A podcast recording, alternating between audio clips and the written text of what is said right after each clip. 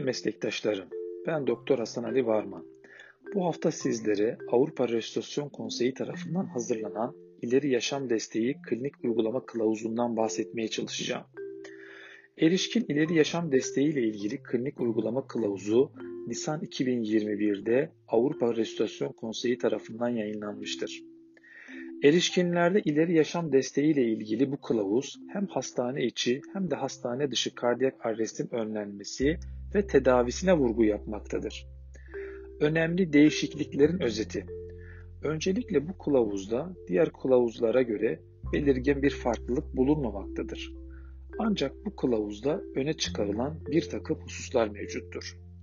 Bu kılavuzda gerek hastane içi gerekse de hastane dışında kardiyak arrest geçiren hastaların uyarıcı belirtilerinin olduğu ve bu arrestlerin çoğunun önlenebilir olabileceği konusunda daha fazla kabul vardır.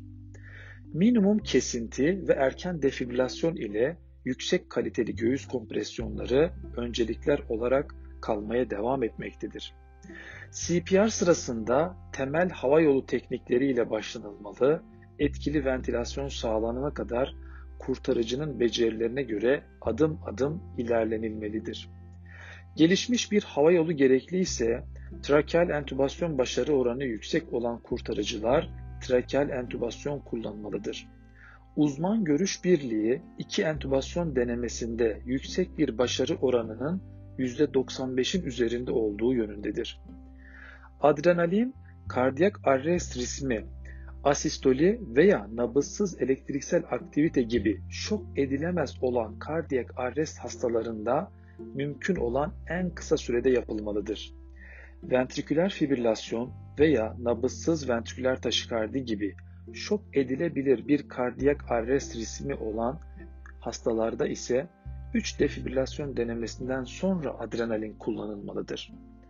Kılavuz, teşhis için periares bakımda POCUS yöntemi ile ultrasonun artan rolünü kabul ederek bunun yetenekli bir operatör gerektirdiğini ve göğüs kompresyonu sırasında kesintileri en aza indirme ihtiyacının altını çizmektedir. Kılavuz, konvansiyonel ileri yaşam desteği önlemleri başarısız olduğunda veya belirli müdahaleleri kolaylaştırmak için örneğin korner anjiyografi, perkütan korner girişi, masif pulmoner emboli için pulmoner trembektomi, hipotermik kalp durmasından sonra yeniden ısındırma gibi kardiyak arrest olan seçilmiş hastalar için bir kurtarma tedavisi olarak ekstrakorporeal CPR için artan kanıtları yansıtmaktadır. Bu kılavuz periarrest aritmilerin tedavisi için Avrupa ve uluslararası kılavuzlar ile benzer önerilerde bulunmaktadır.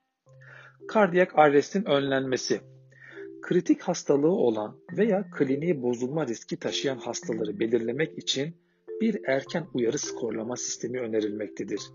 Aritmi şüphesi uyandıran aşağıdaki bulgular ve semptomlar araştırılmalıdır. Örneğin senkop, özellikle egzersiz sırasında veya otururken veya sırt üstü yatarken gelişen senkop varlığında, çarpıntı varlığında, baş dönmesi varlığında veya ani gelişen nefes darlığı varlığında kardiyak arrest yönünden dikkatli olunmalıdır. Kardiyak arrest tedavisi Öncelikle vakit kaybetmeden kardiyopulmoner resütasyona başlanılmalıdır. Hastanın ventriküler fibrilasyon veya nabızsız ventriküler taşikardi içinde olduğu doğrulandıktan sonra bir kez defibrile edilmelidir. Göğüs kompresyonlarına devam edilmelidir. CPR sırasında temel bir hava yolu tekniğiyle solunum desteği başlatılmalı ve etkili ventilasyon sağlanana kadar ileri bir tekniğe ilerlenilmelidir.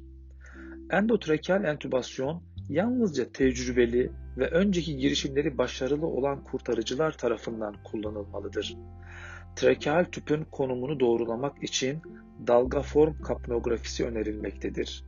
Göğüs kompresyonlarındaki kesintileri en aza indirilmelidir.